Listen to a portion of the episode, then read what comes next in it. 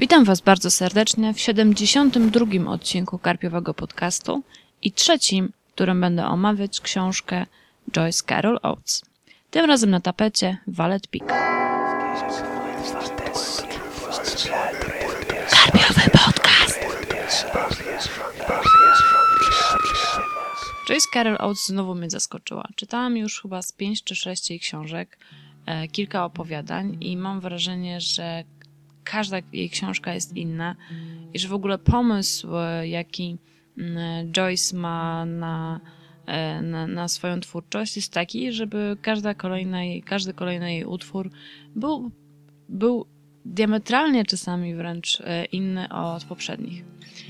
Ta wszechstronność jest naprawdę niesamowita i mm, wydaje mi się, że, że może być o niektórych problemach w tym względzie, że, że, że ciężko mieć jakiekolwiek um, oczekiwania, jeżeli chodzi o, o jej utwory. E, I też nie każdy jest na tyle wszechstronnym czytelnikiem, żeby wszystko tak e, połykać e, z jej twórczości.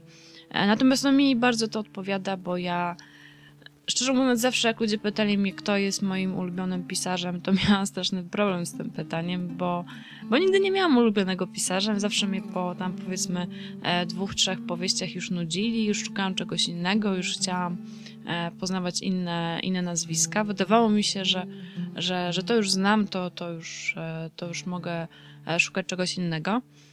A tymczasem Oates daje mi za każdym razem coś innego i i to mi się bardzo podoba. I nawet jeżeli podejrzewam, że e, w końcu natrafię na coś, co nie będzie dla mnie zjadliwe, e, na przykład niekoniecznie e, podeszły mi opowiadania, no, no, nie opowiadania grozy, bo tych jeszcze, jeszcze nie czytałam, jeszcze czekają na półce. Natomiast te obyczajowe, no, tak, no, niekoniecznie im podeszły. Natomiast dobra, wróćmy do Valeta Peak, bo znowu się rozgadam. Mm. Valet Peak dla mnie to jest taki hołd taki trochę przewrotny hołd złożony Stephenowi Kingowi. Jak czytałam tę książkę, to miałam wrażenie, że e, Oates pisała ją specjalnie dla Kinga, e, żeby, żeby sobie przeczytał i, i mógł się pośmiać. Przy czym to nie jest komedia, to jest, to jest idealna stylizacja na, na takiego Kinga w pigułce. Nie dość, że jest bardzo dużo odwołań do książek Stephena Kinga, on sam pojawia się w książce mm, w pewnym momencie, teoretycznie jako bohater, o co mnie zresztą pytał Mando, czy, czy faktycznie jest bohaterem tej książki. E, teoretycznie tak, ponieważ odpisuje na listę głównego bohatera, e, natomiast w praktyce to no, nie ma z nim dialogów czy, e, czy, czy scen. Mm, natomiast Valet Pik to w ogóle jest alter ego, e, takie złowieszcze alter ego e, głównego bohatera, czyli Andrew e, J. Rusha. Mm, jest to autor kryminałów, który jako Valet Peak wydaje powieści grozy.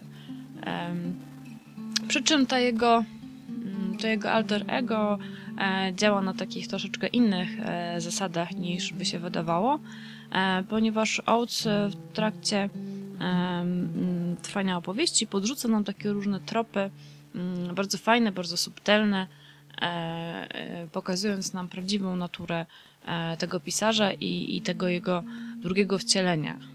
Dużo to ma wspólnego z mroczną połową Stephena Kinga.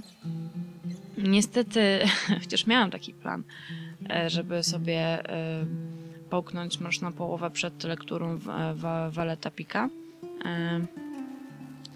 to jednak, jednak się nie udało, ale, ale podejrzewam, że fani Kinga, e, ja do nich się co prawda nie zaliczam, ale jednak parę jego książek na, e, na koncie mam.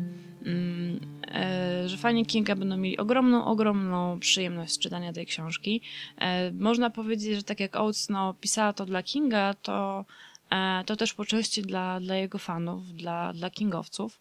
E, dlatego serdecznie, serdecznie polecam tę książkę wszystkim, którzy lubią e, twórczość Kinga. Odnajdziecie tam mnóstwo, mnóstwo tropów z jego twórczości. Nie będę wymieniać, bo mam wrażenie, że trochę wam odbiorę tej frajdy. Natomiast to, co mm, gdybym miała tak krótko przedstawić tą książkę, to naprawdę to jest, to jest King w pigułce, czyli coś, co mi się strasznie podoba, dlatego że to, co mi przeszkadza w twórczości Kinga, to właśnie to, że on strasznie rozwleka swoje e, opowieści, a tymczasem tą, e, tę książkę można połknąć dosłownie w jeden wieczór, e, jeżeli się zarezerwuje odpowiednio dużo czasu, bo jest leciutka, jest strasznie przyjemna w lekturze, po prostu płynie się przez ten tekst. Do tego nie, no nie, jest, nie jest zbytnio Mm, objętościowo duża. To jest niecałe 300 stron e, takiego powiedzmy średniego druku. Dużo dialogów. No, mówię, mm, bardzo przyjemna, bardzo odprężająca lektura, a przy tym e, nigdy w żadnym momencie nie uraża inteligencji czytelnika.